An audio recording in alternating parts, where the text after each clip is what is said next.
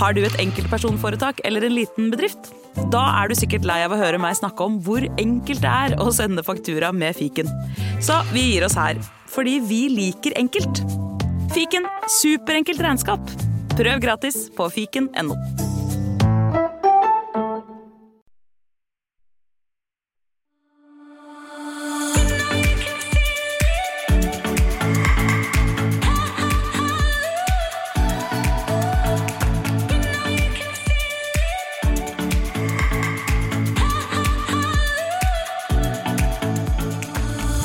en skikkelig avslappa prat om skeive ting på den der appen Clubhouse falt jeg pladask for tidenes mest beroligende stemme. Stemmen tilhørte Arthur, og jeg tenkte at Arthur burde gjøre seg en lydbokkarriere. Eller i det minste bare ringe meg hver kveld for å bysse meg i søvn. I dag har Arthur tatt med seg Anne, kjæresten i podkasten. Anne er dama som falt pladask for humoren til denne godteposen av et menneske, og Anne er også mennesket som har betydd alt for Arthur i prosessen han har vært igjennom. Lytt godt til denne episoden, og kos deg masse.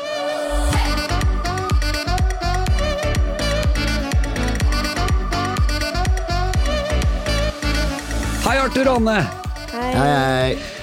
I dag starter vi med det absolutt viktigste spørsmålet. Hvilket dyr ville dere vært, og hvorfor? Oh. Oi. En fugl. En fugl? Ja. En spesiell fugl? Nei, en, eller kanskje en stor fugl, da. Som lever lenge og sånn. Altså typ uh, struts? En en, Nei, du må fly. Oh, ja. En ørn eller noe. Ja, altså, Ja. Det var et dårlig valg av meg å velge struts. En struts. struts av alt. Nei, en ørn. En sånn stor fugl som bare flyr. Og bare har oversikt. Ja, ja, bare for å fly rundt og sånn. Det hørtes bra ut. Arthur, da? Nei, men det er drømmen om å fly rundt. Jeg, det, jeg tror jeg hadde vært en løve, egentlig. Um, fordi jeg eh, har jo vokst opp med å gå på safari i Afrika, og liksom løver var noe jeg syntes var sykt interessant da jeg var mindre, fordi de bare lå der og var sånn sykt majestetiske, mens mennesker var sånn wow, en løve. Så jeg tror jeg hadde likt å være en løve. I, Så, altså, har du sett Real Life Løve? ja, jeg har Ja. sett real life. Sett egentlig løve, elefant, sjiraff, flodhest, eh, neshorn. Eh, masse, egentlig. Antiloper. Masse. Ok, nå, nå Fortell litt om bakgrunnen her nå. Fortell om bakgrunnen, Arthur. Eh, fordi min mor er fra Tanzania, og pappa er fra Sør-Afrika, så de kommer liksom fra de stedene i Afrika hvor det er mest sånn eh, safari. Det, de kjente safariene er i Sør-Afrika og rundt om Tanzania. Så når jeg har vært mindre, hver gang vi har vært i Tanzania, så har vi alltid vært på safari. Det samme med Sør-Afrika. Så vi har liksom vært i Okavango Delta, som er et av de største liksom, reservoarene for dyr. Eh, og der kan man liksom se alt mulig, og du kjører jo bare en sånn her liten sånn der eh, pick me up-bil, eller ikke sånn pick me up-bil, men sånn safaribil rett inn ved dyrene, og de bare ser på deg, og du ser på de. Og jeg husker den ene gangen så kjørte vi bil, og så kom det liksom elefanter på siden av bilen, sånn rett ved siden av, så måtte være helt stille, ellers kunne han velte bilen, på en måte. For er det ikke sånn at jeg, altså, mi, Hva skal man si? Mitt preferanse til disse tingene er ting jeg har sett på TV. Eh, men er det ikke sånn at elefanter er egentlig livsfarlige? Jo. Jo, hvis du eh, hvis, hvis det er eksempel elefanter med barn, og de senser at det er mennesker i nærheten, eh, det er sånn, da er det best å holde avstanden, fordi de er kjappe, selv om de er store, liksom. De kan outrun you, på en måte.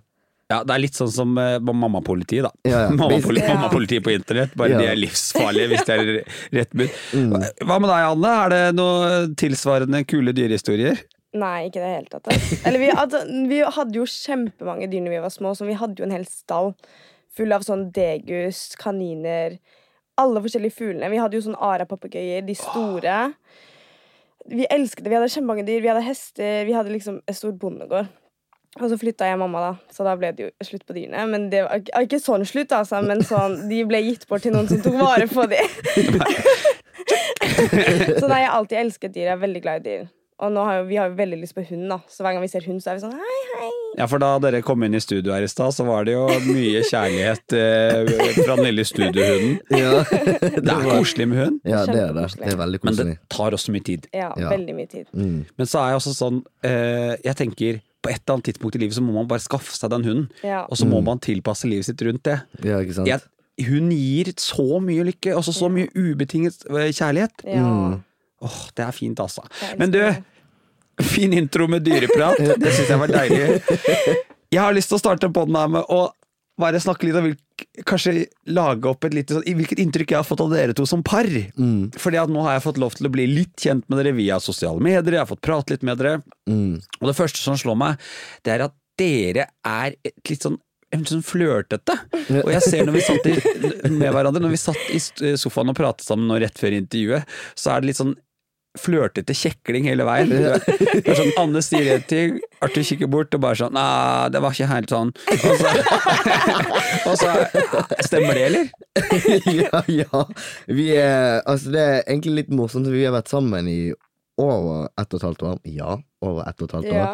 Eh, og liksom Vi har alltid vært sånn. Det har aldri endret seg. Vi har alltid vært sånn nippete, liksom kødde med hverandre, roaste hverandre sånn på tull, liksom. Men det har aldri vært sånn skikkelig dårlig stemning. Uh, det, det er egentlig bare god stemning, og det er bare sånn Vi bare tuller med hverandre hele tiden. Og jeg tror egentlig det har gjort vårt forhold veldig sterkt, at vi liksom kan tulle med hverandre og liksom ikke ta hverandre så høytidelig, på en måte. Er, ja, for det er høy terskel for uh, å kunne kødde litt. Ja. Vi mobber hverandre hele tiden. det, er, det er nesten en grense. Det er sånn, jeg husker vi møtte faren min, så bare snakket vi litt. Vi diskuterer jo alltid sånn tullete. Vi, har egentlig, vi krangler nesten aldri, men vi har alltid de små diskusjonene. Han var sånn, dere, dere virker som et 70 år gammelt par liksom, som sitter og pikker på hverandre med alt sammen. Og vi bare sånn Ja, sånn er det. Det blir fort sånn. Mm. Men da lurer jeg på Hvordan eh, ble dere kjent? Hvordan traff dere hverandre? Vil du ta det? Nei. Vi eh, Det er egentlig sykt morsomt, fordi at man eh, Jeg har hørt sånn sykt mange som er sånn ah, de møttes sikkert på Tinder eller noe. Nei, vi møttes via en Snapchat-gruppe. fordi at jeg var i en Snap-gruppe med noen venner, og så ble hun addet i den. Eh, og så visste jeg egentlig om Anne før det, men det var liksom sånn jeg hadde bare sett henne, liksom. Og så husker jeg den første gang jeg så henne, så syntes jeg hun var dritpen, liksom. Men det var bare sånn Sånn, du vet når du bare ser folk på sosiale medier, og så er det sånn shit, du er pen, liksom. Ja, ja, ja. Men du gjør ikke noe med det. Du bare tenker sånn å, du var dritpen. Uh, og så ble hun addet i den Nei, Snapchat-gruppen, og så ble vi venner. Men hun syntes jeg var skummel først. Ja. Uh, fordi at jeg køddet med en venn i chatten mens hun var der, og så var hun sånn shit, han er egentlig litt skummel. Hvordan skummel da det? Sånn veldig sånn, Han var skikkelig intimidering. Sånn, Jeg turte ikke å sende ting til gruppen. Fordi selv om Jeg husker jeg sendte bilde av at jeg hadde spist sånn tofu eller noe. Han bare sånn sa til hun andre gruppen sånn 'Å, se en annen veggis'. Og jeg var sånn Ok ble, han, han var skikkelig skremmende, fordi du var så mystisk. Sånn, skikkelig sånn jeg, jeg visste jo ikke hvem du var, men jeg var bare sånn Jeg, jeg tror jeg, Kanskje det var fordi jeg så litt opp til han. Jeg var sånn, For en kul person. Og så var jeg sånn Oi, han snakker med meg. Og jeg måtte svare. Jeg visste ikke hva jeg skulle svare engang. Så på starten så var det sånn jeg turte aldri å sende noe til den gruppen, for jeg var liksom redd for at han skulle svare, og at jeg måtte da svare tilbake. Jeg var kjemperedd lenge, men han er jo bare en tullete liten klump, da, så Så, så det var litt sånn hard kjærlighet i begynnelsen der? Ja, men ikke fra min side, men hun tolket det sånn. Det er ikke Ja. min feil. Hvordan går man fra litt sånn eh, eh, Snapchat-kjærlighet som ikke er mulig å legge merke til, til å liksom treffe hverandre og dating? Uh, altså fordi På den tiden der så bodde hun i Spania, men hun skulle flytte til Tyskland. Når vi ble kjent. Uh, Dette kommer til å bli en lang podkast. Her er det mange ting som skal slå sammen. Uh, så liksom vi ble venner, og så egentlig så var det jo ikke så veldig mye som skjedde, det bare gikk naturlig, men det var fordi at hun innrømmet at hun hadde et crush på meg. ja. Eller hun Det var liksom hennes måte å liksom si at hun likte meg. Da. Hun mener at hun har sagt at hun hadde crush på meg, men det mener jeg at hun Jeg ikke. sa det, men jeg sa det sånn tydeligvis ikke tydelig nok. Fordi det er noe med menn å bare ikke plukke opp på signaler. Så jeg var sånn, jeg, jeg sverger, jeg, jeg la skikkelig opp til det også. Det er bare sånn Hei, jeg elsker deg! Hæ? Ja, det har du aldri Ja, sagt. det er akkurat sånn det er, og jeg la skikkelig opp til det. Og han flørta jo tilbake. Så jeg var sånn, han burde jo skjønne at jeg liker han. Og så var han sånn Han ble litt sånn care, litt sånn mm. Og så begynte vi bare Og så etter der så bare Jeg tror, jeg tror bare han ble forelska eller noe, Fordi da bare begynte å snakke skitt. Når da var, ja, når var første gang dere traff hverandre, da? Sånn ordentlig? Eh, I oktober 2019, da, da fløy jeg til Tyskland. Det var første gangen vi møttes. Du fløy Han for bare kjærlighet? fløy, han bare sendte meg en melding og bare 'Hei, kan jeg komme?' Sånn, jeg, husker, jeg, jeg husker den gangen hvor jeg satt og gjorde neglene mine. Så får jeg melding 'Hei, kan jeg komme i oktober da og da?' Og jeg så på mamma, og jeg var sånn Mamma, han skal komme. Jeg ble kjemperedd, jeg ble kjempe, for jeg er kjempenervøs. Jeg er en veldig nervøs person. Så når han sa det, jeg var sånn Ja, det går, det går fint, liksom. Bare kom. Og så husker jeg at når han skulle komme på flyplassen Jeg, jeg gråt før jeg liksom møtte han. Jeg sto på flyplassen og gråt. Jeg var kjempenervøs. Herregud, det var helt forferdelig. Du tenkte sånn Hva har jeg sagt ja til nå? Ja. Hun så ikke på meg. Hun turde ikke å snakke med meg. Den første personen jeg hilste på, var moren hennes. Så jeg så ned og klemte han, og så var jeg sånn Hei. det var, du sa jo hun klemte meg, det første hun gjorde, var liksom Å, det lukter godt. Og det, er så sånn, det var det første jeg sa til han. Jeg sa ikke hei, jeg sa du lukter sykt godt. For jeg prøvde å fylle opp liksom stillheten. Men det syns jo jeg var et veldig fint ting å si. Ja. Det er jo bedre enn å si sånn Hei. Altså bare, det er, Ja. Da har du jo virkelig lagt merke til dette mennesket. Ja, Så første date var da i Tyskland. ja. ja. Og hvor lenge ble du da, Arthur? Jeg var der i uh, Ti dager. Jeg var ti dager. stuck med han i ti dager første gang jeg møtte han. Stuck. Ja, men det er basically Tenk om jeg ikke hadde Tenk om, jeg ikke hadde, tenk om det hadde gått galt, og han bare måtte være der i ti dager. Men det gikk jo kjempebra, da, så det, det var jo verdt det, liksom. Men jeg bare sånn Det var jo verdt det. Men hva var det ved Arthur, eh, Anne, som gjorde at du tenkte at uh, han har lyst til å bruke ti dager med? Liksom? Han, var, han er kjempemorsom.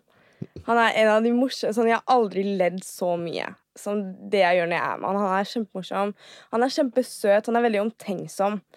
Selv om han, han har først den der liksom, morsomfronten, men jeg synes at liksom, hvis du er alene med han og sånn, eller bare måten han er med venner og sånn, han snakker, han er kjempehyggelig, han tenker alltid på alle rundt seg. Han er kjempesøt med lillebroren sin. Kjempemamma til alt. Han er kjempesøt. Jeg synes han er så søt. Kjempekoselig. Ja, nei, jeg vet ikke. Jeg tror jeg bare Jeg tror faktisk det var det første med at han er så morsom, faktisk. Fordi det, det liksom fanget meg litt inn at jeg lo så mye.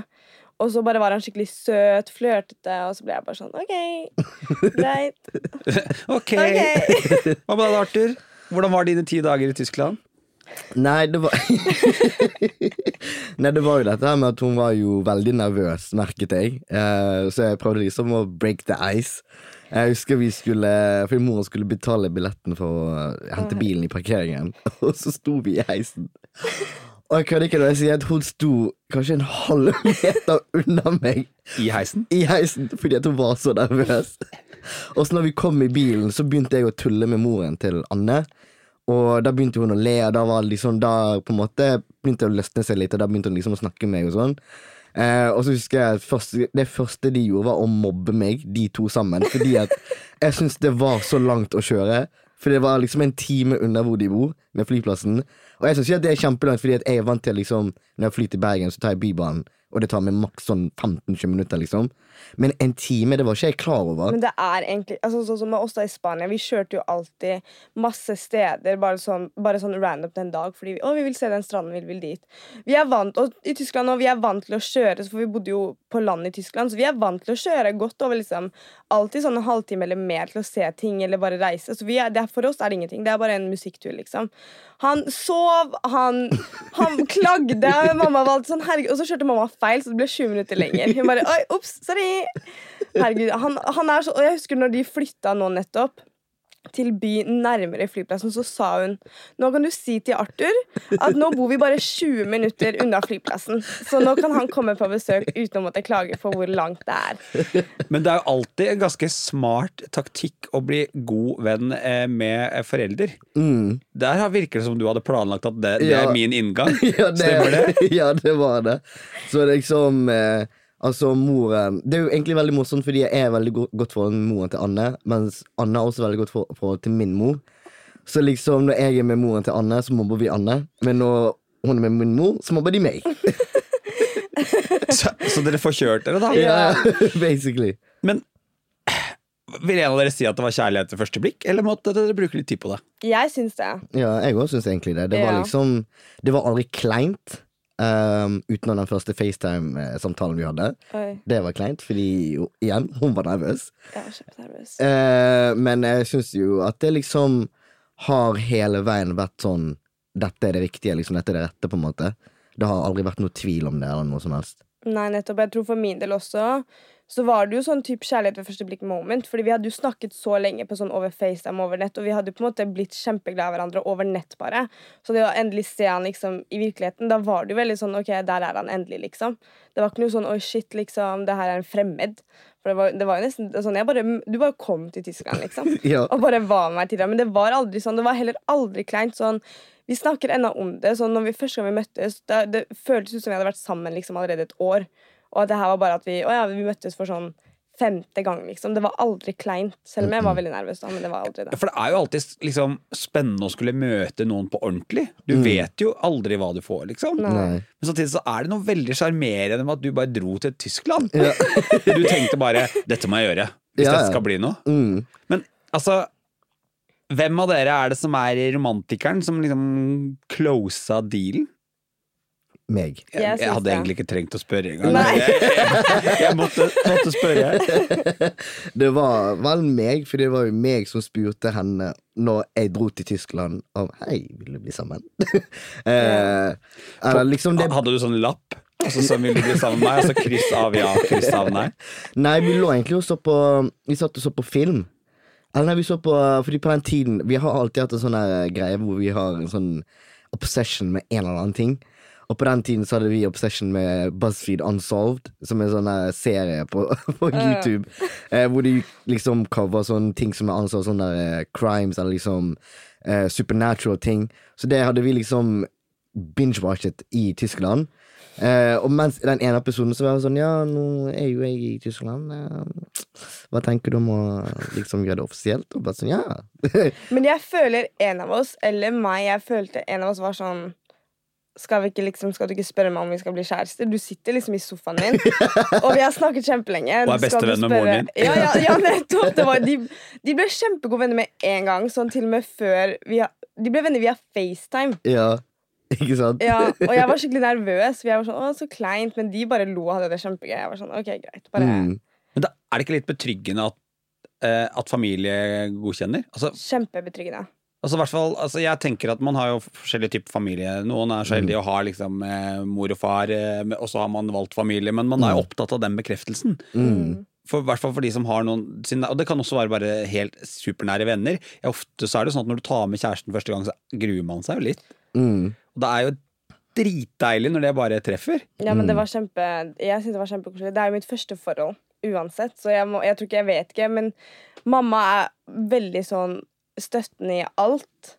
Eh, så hun bare jeg tror, jeg tror ikke engang jeg tenkte over det. Hun var bare sånn 'Å, herregud, for en skikkelig koselig fyr'. Hun elsker han. Og hver gang jeg snakker med henne på FaceTime for eksempel, og sier 'ja, jeg savner deg', så er hun sånn 'ja, jeg savner dere òg'. Og så er jeg sånn 'hvem er dere?' Det er jeg som sa jeg savner deg.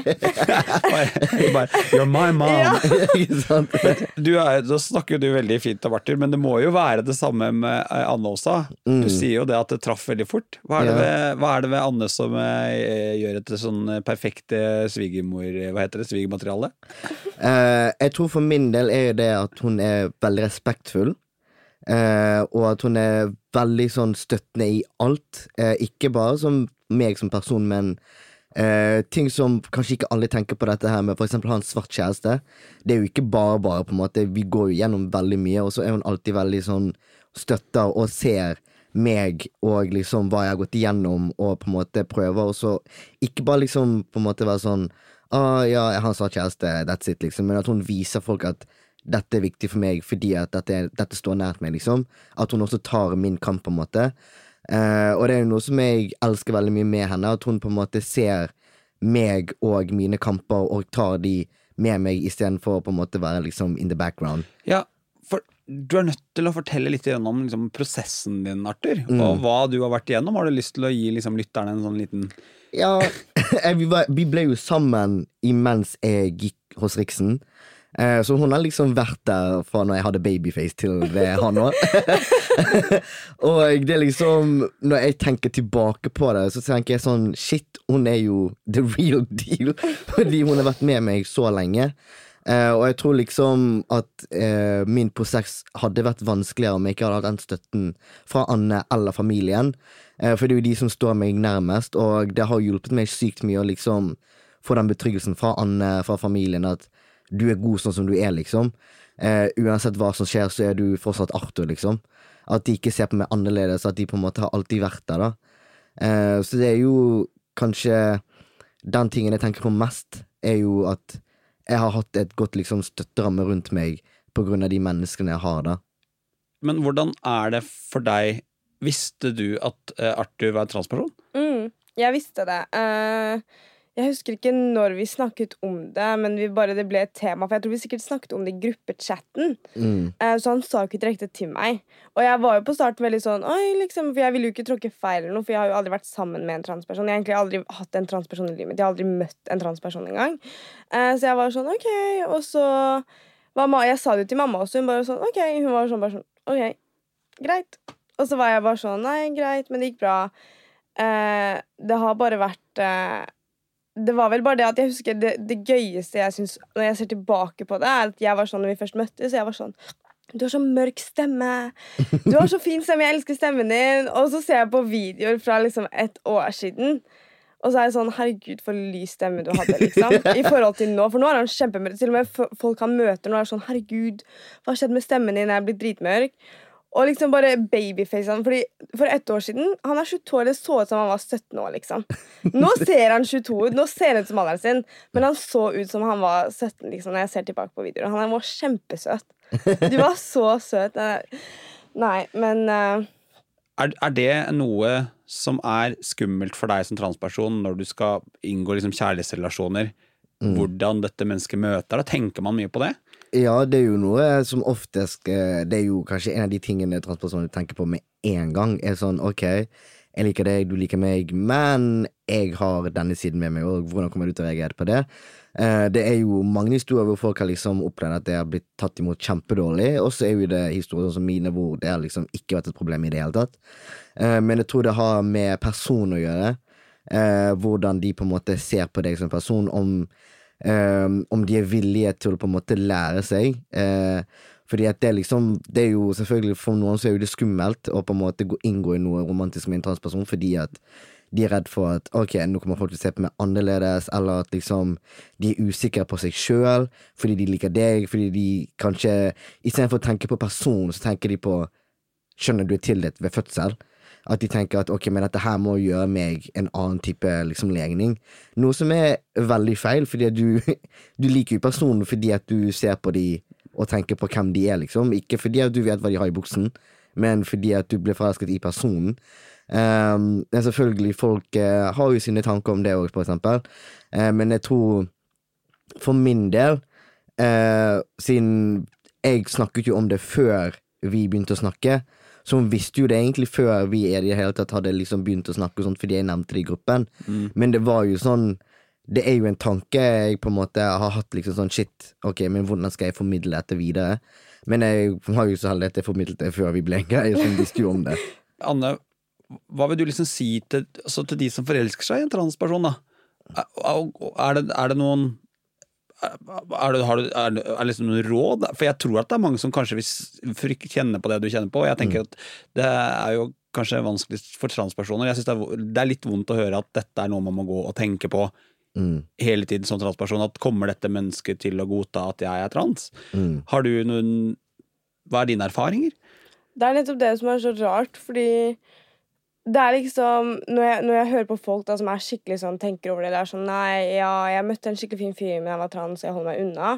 Da blir jeg bare sånn For jeg tenker aldri over det. Og det er aldri noe som egentlig Sånn, Jeg støtter han jo hele tiden, og vi snakker jo alltid om prosessen, og sånne ting, men det er aldri noe jeg tenker over. Sånn, ok, jeg er sammen med en transperson. Det har aldri vært noe sånt noe. Så jeg tenker bare sånn Hvis du møter en fyr eller en jente, og hun er trans, så liksom Ikke tenk over det, egentlig. Ikke la det stoppe deg for å kanskje møte en fantastisk person, Fordi det er jo ikke noe som burde stoppe deg i å møte kanskje liksom fremtidige kone eller mann, eller bare en du vil dele fremtiden din med, for det er ikke noe som burde i det hele tatt være en stopper, liksom. Så ledende spørsmål, men, og det går kanskje til dere begge, men er vi litt for attached til hva som er mellom beina? Ja. Ja, det tror jeg. Jeg tror at uh, de fleste tenker mer på den delen enn personen. For å være helt ærlig, det har jo ingenting med hva som er attached mellom beina. Det handler jo om personen. Person kan være Hva som er helt attached mellom øra? Ja, ikke sant? Det er nettopp det. Liksom, det er jo det som er på en måte avgjør om en person er bra for deg eller ikke, og ikke hva de har mellom beina. Fordi folk kan være ræva selv om de har det du ønsker mellom beina. Men Er det ikke litt Er det ikke litt ekstra deilig kjærlighet når man faktisk vet at dette mennesket er mer opptatt av hva som er mellom øra, enn hva som er mellom beina? Mm, det er akkurat det. Det er jo den kjærligheten vi alle vil ha. Ja. Mm. Så det er liksom Jeg føler at hun er sammen med meg fordi at jeg er meg. Eh, at hun liksom ser bort ifra alt og liksom elsker meg for den jeg er, og det er liksom en type kjærlighet jeg aldri har hatt før. Eh, så det er jo Jeg vil nok si at det trumfer alt, egentlig. Det, det, det høres i hvert fall enormt bra ut. Jeg kjenner nesten at jeg blir sånn sjalu på det. I hvert fall, Anne, du er jo en straight cis-kvinne. Ja. Eh, og jeg vet at det er folk som stiller spørsmål ved legningen din fordi du er sammen med en transperson. Ja. Og det skjønte ikke jeg, men det må dere forklare litt. For, men det kan jo ha litt sånn hvordan jeg ser på dette her. Og Skjer det? Ja, det skjer ofte. Altså, veldig mange, også hvis for eksempel eh, Jeg føler hvis du har vlogget en gang på en sånn vlogg, så er det folk som har vært sånn Ja, hva slags legning har damen din? Det er, jeg vet ikke hvorfor, men det, jeg tror det bare er den fordommen. Og jeg syns det er en veldig invaliderende fordom. At de, for det betyr jo da, da går vi tilbake til at de tenker jo egentlig bare på det han har mellom beina, eller det fødte han ble tildelt som. Eh, det, det, skjønnet han ble Vi kaller det tildelt som. fødte heretter. Ja, vi gjør det. det Vi snakker ikke så mye om kjønn lenger. Så fødte. Eh, Det skjønner han ble tildelt som. Det er sånn, de tenker bare på det, og da går de sånn OK, hvis han fikk Herregud, hva skal jeg si nå? Nei, men det Det jeg mente da, var at de tenker bare på Det er jo sånn som jeg sier, de tenker bare på det med mellom beina, og da blir de sånn OK. Men du er jo sammen med en transperson, og de tenker, de tenker ikke bare på Ok, han er mann, og du er jente, og du liker gutter. Det blir De blir forvirra, og de forvirrer seg sjæl mer enn det det egentlig er forvirrende. For Det er, veldig, ikke det. Ja, det er veldig godt satt. For, jeg, og det merker jeg på meg sjøl òg. Jeg forvirrer meg sjøl fordi at jeg klarer ikke alltid å løsrive meg fra det kjønnet man fikk tildelt da man ble født. Vi er så enormt opphengt i det. Og det er det som ødelegger. Mm. Egentlig så er det jo superenkelt. Dette er en gutt, dette er en jente, dette er en ikke-binær. Ja. Det, det, det er jo ikke vanskeligere enn det. Nei. Og det du får fortalt, er det som gjelder. Hvis en person sier at 'jeg er en jente', så er det det. Ja, Mm. nettopp. Eller en kvinne. eller- Det er, det er jo så enkelt som det. Jeg tror ikke vi må liksom vi tenker altfor mye, og jeg merker det sjøl, og nå er det blitt mye bedre, men det er bare fordi at jeg har vært så heldig å få lov til å bli kjent med transpersoner det siste året. Og det har bare gjort sånn Å ja, det er jo ikke så vanskelig. Nå er jeg på et sted hvor jeg syns det er vanskelig å forstå hvorfor folk stiller spørsmål ved legningen din, Anne, Ja. fordi du er sammen med Arthur. Mm. Det er, det, er, det er veldig spesielt, men jeg håper at de som hører på dette her, nå bare, bare senk skuldrene, hør på det du får fortalt, og forhold deg til det. Ja. Mm. Og ikke nødvendigvis alt du har lest og hørt opp igjennom. For det, det skjer ting med verden nå som gjør at vi utvikler oss. Det er nettopp det. Og det er jo så mange som har forskjellige opplevelser på alt. Så selv om du har hørt én historie, betyr jo ikke at det er det samme i det hele tatt. Så man må bare være åpen til de man møter på, liksom. tenker jeg. Det er det viktigste. Vi snakket om dette her før intervjuet i stad. At uh, vi snakket om at transpersoner faller under den skeive paraplyen. Men samtidig så er det litt sånn Man er jo ikke nødvendigvis skeiv selv om man er transperson, men så er man skeiv. Hvordan er mulighetene for transpersoner i forhold liksom under den skeive paraplyen? Det som er liksom laga av rettigheter, rettigheter og gitt av muligheter nå, er jo egentlig beregnet på liksom lesbiske og homofile. som er, og, og som er da eh, cis. Mm. Altså, jeg føler jo at eh, vi må liksom eh, Spesielt altså, Sånn som jeg har opplevd det, da, er at eh, mye av disse rettighetene og sånn, det på en måte Da faller liksom transpersoner litt utenfor. Eh, og at det har liksom da økt til at det, Eller ført til at på en måte transpersoner føler at de har en egen kamp eh, innad i miljøet. At de har liksom Ok, vi må liksom stå for oss sjøl, fordi at det ikke alltid alle står for oss, liksom. Ehm, og jeg merker jo at som oftest når vi når skeive snakker om å, vi har ikke tilgang til for eksempel dette med donasjon av egg, eller hva enn det er, så glemmer de at men det finnes jo transpersoner også som har lyst å få egne barn, men som har dårlig mulighet til det, fordi at den tematikken blir ikke ofte tatt opp, på en måte. Eh, så for, for min del så er det sånn enten så vil man ha barn, eller så må man adoptere, men hvis man har lyst til å ha barn, så må man gå i utlandet, fordi at det er kun der du kan liksom få den behandlingen du ønsker hvis du ikke har lyst til å bære ditt eget barn. Eh, slik jeg ble fortalt av Rikshospitalet, for eksempel, var at hvis jeg tok og fryste eggene mine, så måtte jeg bære de sjøl, liksom. At det, det var det jeg ble fortalt, og da var jeg sånn, ok, men da er ikke det så viktig for meg. Det er ikke liksom noe jeg må gjøre. Eh, og jeg tror det er liksom en del av det å være en transmann spesielt, er liksom dette her med at når du er For det er jo veldig mange i Norge som starter når de er veldig unge. Så de tenker jo ikke på dette her med fremtiden og sånn. Jeg har jo hatt masse historier fra folk som på en måte er kanskje litt eldre enn meg, eller som er på samme sted som meg, men startet mye tidligere, at de liksom har vært sånn Shit, jeg kan Jeg må liksom bare adoptere fordi jeg hadde ikke den muligheten til å fryse ned egg. For jeg har ikke lyst til å bære mitt eget barn, liksom. Eh, så liksom sånne ting som det er noe jeg føler blir veldig glemt i den skeive bevegelsen, at liksom vi sitter fortsatt og liksom fighter de for de rettighetene dere allerede har fått, Ja. mens vi er liksom lenger bak og liksom må da adapt og liksom eh, tenke på hva slags andre måter kan vi få barn på, f.eks. Ja, jeg, jeg føler på en måte at Det har jeg tenkt mange ganger, at eh, vi skeive, eh, som da er cis, vi bare satte oss på toget og reiste av gårde, og fikk, lov, fikk en del muligheter, og, og, og, muligheter, og så glemte vi Mm, eh, Glemte vi transpersoner. mm. Og er det sånn at transpersoner føler seg litt glemt i den skeive bevegelsen? For vi, vi omfavner jo transpersoner i den bevegelsen, men noen ganger så føler jeg kanskje at vi bare sier det. Mm. Er det dumt å formulere meg sånn? Nei, altså det kommer jo Det er jo veldig sånn eh, Hva skal jeg si, det kommer egentlig an fra person til person.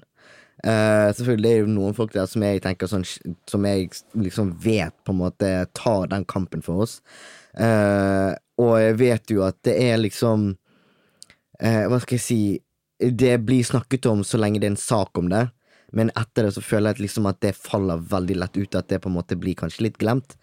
Eh, og det er jo synd, fordi at eh, det gjør jo at vi er mest eh, liksom utsatt for liksom at våre rettigheter kan bli tatt bort sånn. Ja. Eh, vi så jo det med KrF, for eksempel, at eh, med en gang liksom det, det at de på en måte kan komme inn med sånne innspill, er jo fordi at de vet at vi er den mest utsatte gruppen.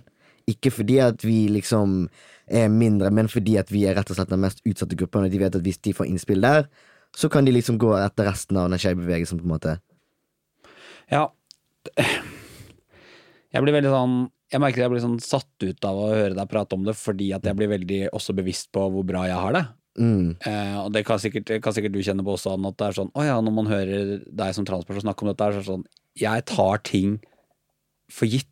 mm, Eh, og jeg prøver så godt jeg kan å, å være en god alliert. Og Mm. det jeg tenker da er sånn Har du noen bra tips til akkurat det? How to be a good ally? mm. Altså, man kan jo tenke Altså, jeg vet jo Det er sånn som jeg egentlig pleier alltid å si til folk, er liksom Lytt. Eh, på en måte gå inn i deg sjøl og tenk sånn Ok, hva er det jeg Altså, jeg er skeiv, men hva er det jeg egentlig gjør for hele bevegelsen, ikke bare for de som ser ut som meg, eller som opplever det samme som meg? Fordi at det er stor Det er et stort miljø, liksom. Selvfølgelig så glem Altså, det er jo veldig naturlig å glemme noen ting. Men man må jo også tenke at dette er et miljø som vi på en måte alltid sier er liksom våre søstre og våre brødre, og liksom dette er folk jeg på en måte står med nært, liksom. Men vis det, da. På en måte Vis at du faktisk står nær dem. Vis at du ser dem, på en måte. At man må liksom vise det man alltid sier, på en måte. At liksom Actions to words. At uh, Words to actions, eller? Actions to words, words to actions? kan velge. Yeah. words to actions. Liksom.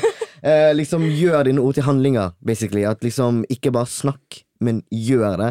Og det, det gjelder egentlig alltid i livet, liksom. At hvis du brenner for noe, ikke bare vis det på sosiale medier. Liksom gjør noe med det. Prøv å liksom finne noen du kan snakke med. Ta den lille hverdagskampen. Ja, ta den lille hverdagskampen. på en måte Ikke være komfortabel i din liksom privilegium, på en måte. Hvis du vet at ok, shit, jeg får sykt mye egentlig. Tenk på de som ikke får det samme som deg, da. På en måte, Tenk litt sånn, fordi at det handler jo ikke bare om deg akkurat nå, det handler også om de som kommer etter oss. Og hvis vi ikke legger det grunnlaget for de som kommer etter oss, så kommer de til å slite på samme måte som vi gjør nå, og det er jo unødvendig. Ja, for jeg opplever eh, veldig ofte når jeg da snakker med transpersoner, at Mm. de er veldig slitne. Mm, Veldig slitne, og, eh, og er nesten litt sånn utmatta av å ha stått i den kampen alene. mm, Og jeg tenker at det koster enormt lite å bare backe litt og løfte fram og heie litt og, eh, og arrestere mm, der det er mulighet, mulighet til å gjøre det.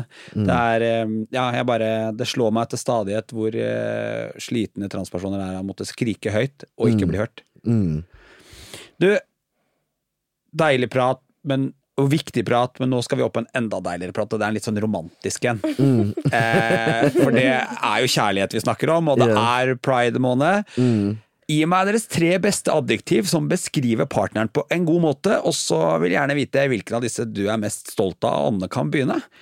Hvilke tre ord er det de du har valgt deg ut? Jeg tenker først på morsom, eh, omtenksom og tålmodig. Han er veldig tålmodig. Hva legger du i tålmodig? Sånn bare med meg. At han er med, med, i forhold med meg. Fordi jeg kan være veldig sånn vanskelig noen ganger. Jeg er en veldig sta person. Han er også ganske sta, men han er, han er bare en skikkelig tålmodig person med alt. Og det tror jeg er kanskje det jeg er Nei, jeg tror faktisk humoren hans er det jeg er mest stolt av. Fordi det er så gøy når vi er ute med venner, for eksempel, og alle ler av han. Så er jeg sånn, ja, det er kjæresten min. Han er så morsom.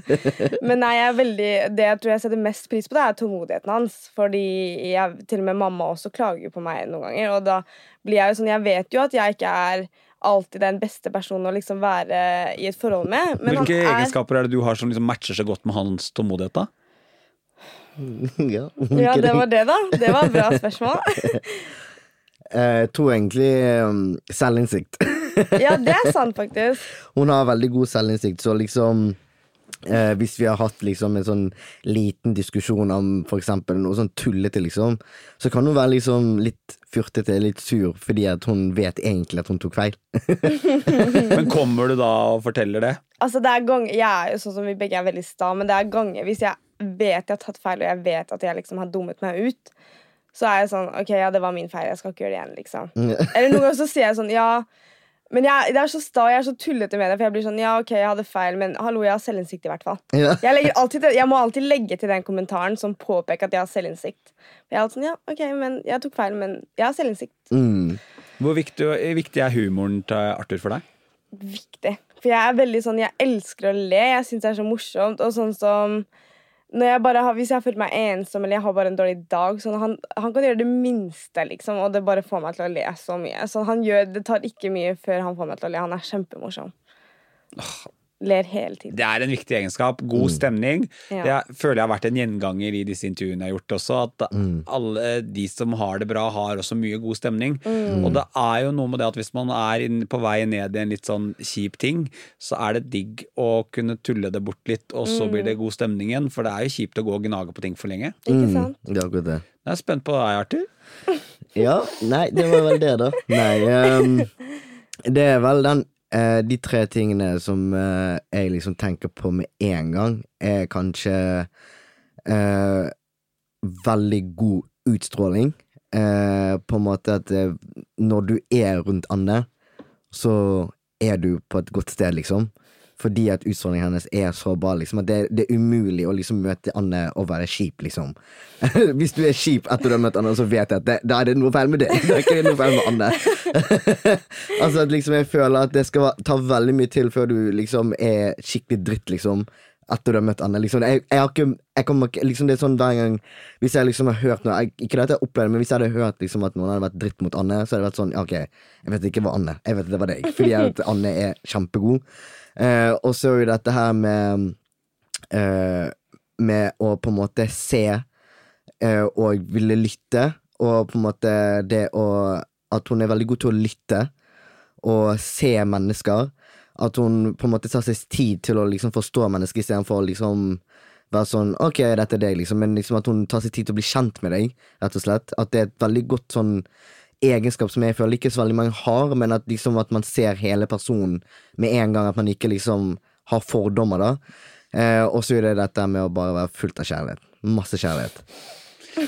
Jeg tenker det er jo en enormt god egenskap å bare møte folk med åpne armer. Mm. Eh, og jeg er, veldig opp, jeg er veldig opptatt av å sjøl, og det kjenner jeg på, å bruke, gjøre mitt eget inntrykk av mennesker. Det er så ofte man, eh, sant, man hører om noen, og så er det sånn ja, den personen er sånn og sånn og sånn, eller dette er min opplevelse med dette mennesket, og så glemmer man det at ja, det er akkurat det du sier, at det er din opplevelse av dette mennesket. Det kan godt hende at vi matcher på en helt annen måte, og er en bedre match, eller en dårligere match. Og jeg, jeg skulle ønske at folk var litt mindre opptatt av å bli kjent med folk via andre mennesker. Ja, ikke sant? For det er så mange ganger jeg har møtt mennesker som, i hvert fall selv som jeg har hørt at, at dette personen er litt sånn sånn, så er det bare no.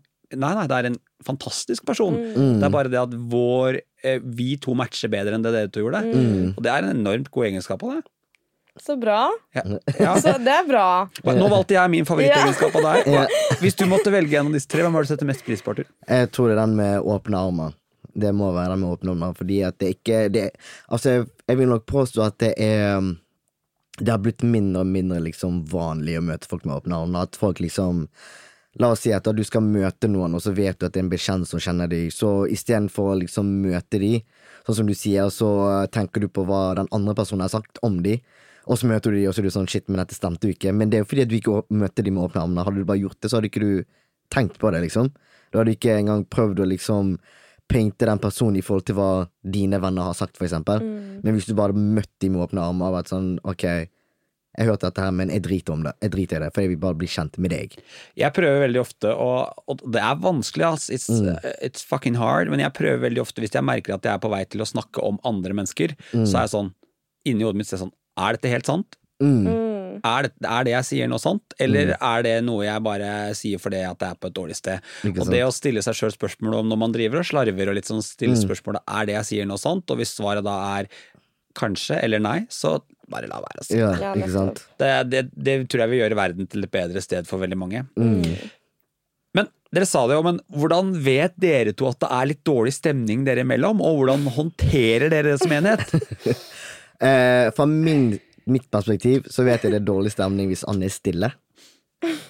Fordi Anne skravler. så hvis Anne er stille Men det kan nødvendigvis ikke være at det er dårlig stemning mellom meg og hun, men hvis det er bare dårlig stemning generelt, og hun er stille, hun er veldig sånn på en måte tar litt avstand. Eh, gjør sitt liksom Hvis jeg vil ligge i sengen, så bare plutselig så går hun ut av rommet, så vet jeg liksom ok, nå, nå er det dårlig stemning. Nå har noe skjedd. Så må, da snakker vi, liksom. Det hjelper ofte bare å snakke, eller bare For min del så er det liksom å la Ta litt space. Litt sånn du kan la meg bare la deg komme ned fra det, og så kan vi snakke sammen istedenfor å snakke med deg når du er der oppe, liksom.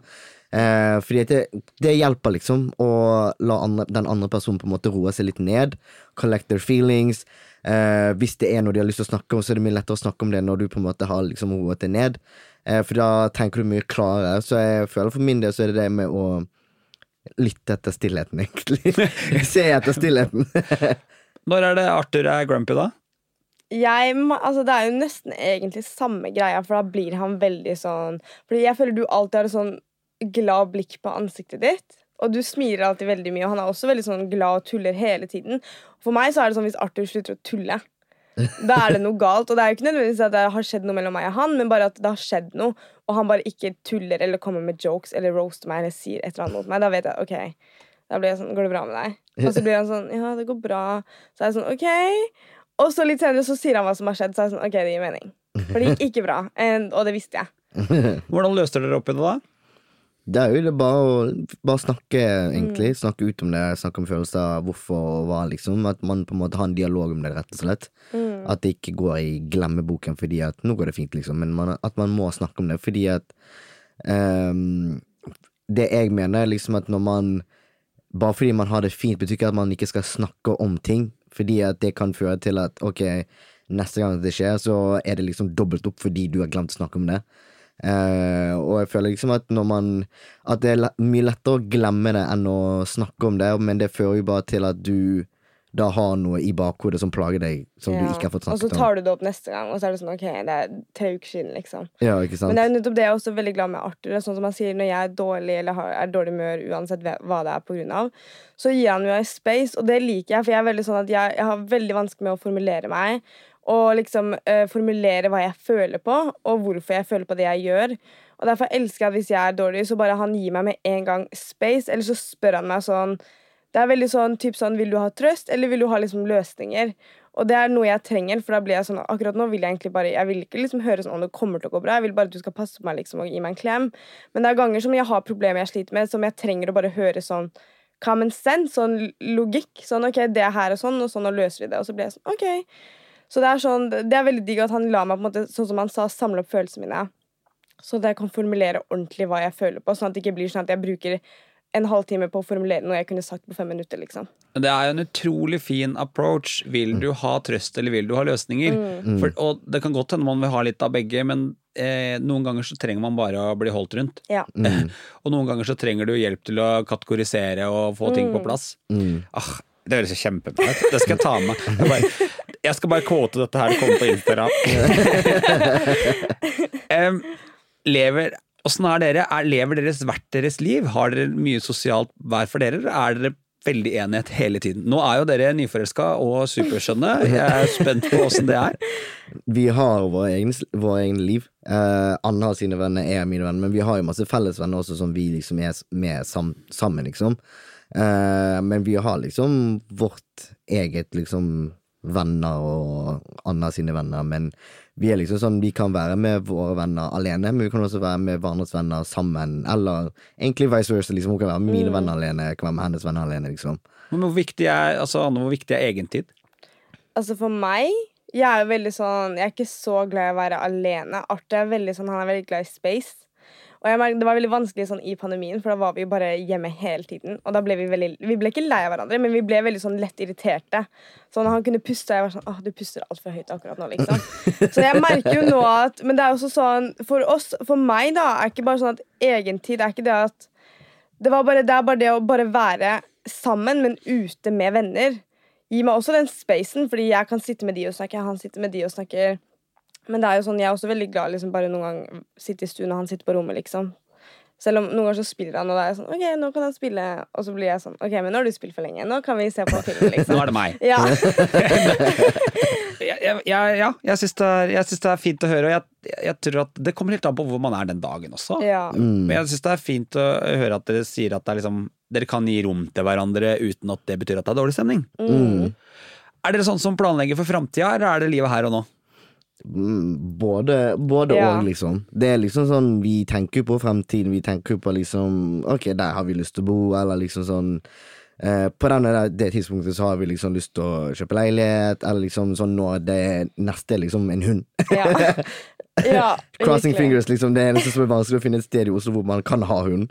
Eh, men det er sånn vi tenker jo på fremtiden ofte. Eh, og det er jo sånn, jeg kaller jo moren hennes for svigermoster, som er svigermor på tysk. Hun, hun kaller også han svigersønn hele tiden. Kjempeirriterende. Hun sender ham melding. Begge sender hverandre meldinger og starter med 'hei, svigersønn', 'hei, svigermor'. Jeg sånn, herregud, ok og de, når mamma og hun snakker jo hele tiden, så det er liksom sånn jeg føler vår familie er innforstått på at ok, dette, dette kommer til å bli et giftermål. Liksom. At det, vi, vi, vi bare go with the flow, men vi vet at dette blir et giftermål. Liksom. Um, så jeg føler liksom at det, det er allerede set in stone at det skal være et giftermål til et eller annet tidspunkt. Det bare Jeg må fri. Ja, hva er drømmen, da? Jeg, Altså, sånn som som dere er nå, Man vet jo aldri hva som skjer, men hva er Ja. drømmen akkurat nå? Altså det, det er så rart, men jeg tenker ofte på sånn i forholdet vårt. Sånn, ja, så klart, Man kan jo tenke langt frem i tid. Så, å, jeg, kan, jeg vil bo på gårdmann. Liksom, bare sånn veldig gamle og rynkete og bare ha masse dyr. Men sånn, jeg tenker framover, så tenker jeg jo sånn Ja, jeg vil bo med han i en fin leilighet, vil en hund og sånn, men det jeg tenker mest på, er sånn Jeg gleder meg mest til å bare se hvordan han vokser som person, fordi han vokser hele tiden, og han gjør så mye nytt, han lærer så mye nytt, han opplever så mye hele tiden. Og bare fra ett år siden så ser du sånn enorm forskjell på han og hvordan han har blitt, og hvordan han snakker ut om ting, og liksom hvor flink han er. Så jeg gleder meg bare sånn det er sånn alltid et sted gang, sånn, Jeg gleder meg til å se hvordan han er om to år, jeg gleder meg til å se sånn om fem år. Jeg, sånn, jeg, jeg gleder meg veldig til å bare se hele prosessen hans da, til han blir den han alltid har hatt lyst til å bli. liksom. Jeg gleder meg kjempemasse. Det var, sånn mic drop, mic drop moment, var det ikke det? ja, det var det. Ja. Så takk for i dag. Da avslutter vi der. Hva med deg, Arthur? Eh, jeg tror egentlig for min del så er det um, eh, Jeg vil nok si på Prøv samme å slå svaret mitt, da. Ja, Ikke sant? Prøv å slå svaret. Det var det da jeg prøvde å tenke på noe dritbra her. Nei, jeg tror egentlig at eh, for min del så er det jo Siden hun er jo yngre enn meg, eh, så jeg tror egentlig mest det å se henne vokse som en person. Hun har jo vokst skikkelig mye fra da vi ble sammen. Eh, og hun vokser jo liksom mye Hun vokser jo enda, liksom. Så jeg tror egentlig det er bare det å på en måte se henne vokse som en person. Eh, og selvfølgelig, jeg gleder meg til å se henne med, med en hund, fordi du så jo hvordan hun var der ute. Og jeg vet at jeg Good with dogs. ja, ikke sant? Men jeg gleder meg til å bare se at jeg vet når den hunden kommer, jeg må bli replaced. Så vil sier at jeg kommer til å få mest, mer space. Fordi at da har hun en hund hun kan kose med i sofaen. Eh, jeg så jeg, gleder jeg gleder meg egentlig mest til å se den utviklingen der. Det var veldig fint å høre dere to si det at drømmen deres for framtida er å se hvilke mennesker dere blir. Mm. Det er eh, det minst materialistiske svaret jeg har fått i denne podkasten så langt noen gang. Ja. Og det, ja, det var veldig fint. Du, nå er vi, vi er helt på slutten av podkasten, og jeg, jeg trenger bare et sånn Hvilket råd er deres beste råd som dere vil gi til de som hører på for å ha det så bra som mulig sammen? Enten i parforhold eller med friends eller ja. Kommunikasjon. Jeg synes det er veldig folk, Jeg tror ikke Det er så vanlig svar å gi, føler jeg, men jeg tror folk ikke tenker over hvor viktig kommunikasjon er på alle fronter. Så det er jo viktig å, liksom, å bare være der for hverandre og støtte hverandre hele tiden. Men kommunikasjon er jo egentlig bare rooten til alt sammen. Bare du, må, bare du snakker om det, så lø, det sånn, du kan løse alt med kommunikasjon. Så kommunikasjon er det viktigste i et forhold. Det er veldig sikkert vanlig, Alle gir sikkert det svaret, men kommunikasjon er det viktigste. Jeg, jeg syns det er kjempefint, og så har du gitt en del praktiske eksempler gjennom intervjuet også, som bare folk kan få spole tilbake og høre. da. Ja. Og, og jeg vet at dette, bare, dette her svaret kastet du over på Arthur, for det vil du at Arthur svarer på, men nå er det jo pride. Og i denne sesongen så eh, vil jeg vite hvorfor dere tenker at pride er viktig, og litt sånn hvilke endringer håper dere og du, Arthur, å se i fremtiden? Mm. Jeg føler at eh, pride, for min del, eh, så handler ikke pride om at man skal gå ut i gatene, liksom masse regnbueflagg, gjør det, liksom. For min del så er pride viktig for å vise at det er normalt, og vise at liksom dette er ekte mennesker, vi er mennesker, liksom. Vi er ikke bare noe du leser på på mediene eller på nettet, liksom. Vi er mennesker, sånn som du, vi fortjener rettigheter, vi fortjener å være her. Vi fortjener bare å være menneske. Eh, og jeg føler det, det for min del, det pride er viktig for meg, at liksom man ser så mange forskjellige mennesker hele tiden. At pride er kanskje den dagen hvor representasjonen blir mest fordi at da kommer alle og liksom deltar. Eh, og jeg føler liksom at eh, det gjør noe, at man liksom må tenke på hvorfor er folk glad? Hvorfor er folk så stolte å gå i gatene? Jo, fordi de ser flere. De ser flere som kanskje ser ut som seg sjøl, eller de kjenner seg sikkert seg sjøl i andre mennesker. At de liksom ser folk de kanskje ikke vanligvis hadde sett bli representert ellers. Eh, og det føler jeg noe folk burde liksom tenke over. Liksom sånn Når du går i Pride-paraden, og hvor mange du ser rundt deg som du kanskje ikke har sett i media, liksom. På en måte Wow, der er den personen jeg aldri har sett, liksom. Og det er fordi at liksom de får ikke den muligheten som du gjør, kanskje. Eh, og det føler jeg liksom at det er noe vi burde begynne å tenke på når vi går i Pride-paraden. Liksom se hvor mange forskjellige mennesker som egentlig deltar på pride, men som kanskje ikke får de samme rommene som deg, liksom. Eh, så for min del så føler jeg at pride er kanskje den dagen hvor de fleste føler at ok, nå blir jeg sett, fordi at nå gjør jeg den, det liksom det arbeidet til å bli sett, da. Eh, og jeg føler liksom at eh, det man burde ta fra pride, er jo sånn som jeg sier, se på de som går rundt deg, liksom tenk på liksom hvor mange historier det er der ute som du kanskje ikke har hørt. Eh, så får du liksom hva slags eh, inntrykk du kan få fra den historien, liksom hva det kan gjøre med deg som en person. Ikke nødvendigvis fordi at den er trist, men liksom bare tenk liksom ok, du har hatt en helt annen vei i livet enn det jeg har hatt, og det gjør deg til litt annerledes enn meg, men vi fortsatt er i samme båt, på en måte. Men for det om så har vi to helt forskjellige veier i livet. Ja. Å, det var fint. Altså, pride La alle være synlige, og være skikkelig raus. Ah, jeg elsker det. Jeg elsker å få sånne taler på slutten. Du, nå er vi igjennom denne innspillingen, og jeg har kosa meg skikkelig med dere to. Eh, For et fantastisk par dere er! Tusen takk. Eh, og så god energi. Og eh, ja, dette her Dette er en sånn episode som jeg vet kommer til å bli hørt mange ganger, og det er fint. Tusen takk for at dere hadde lyst til å stille Anne og Arthur. Tusen takk for at Takk du for at jeg fikk være her.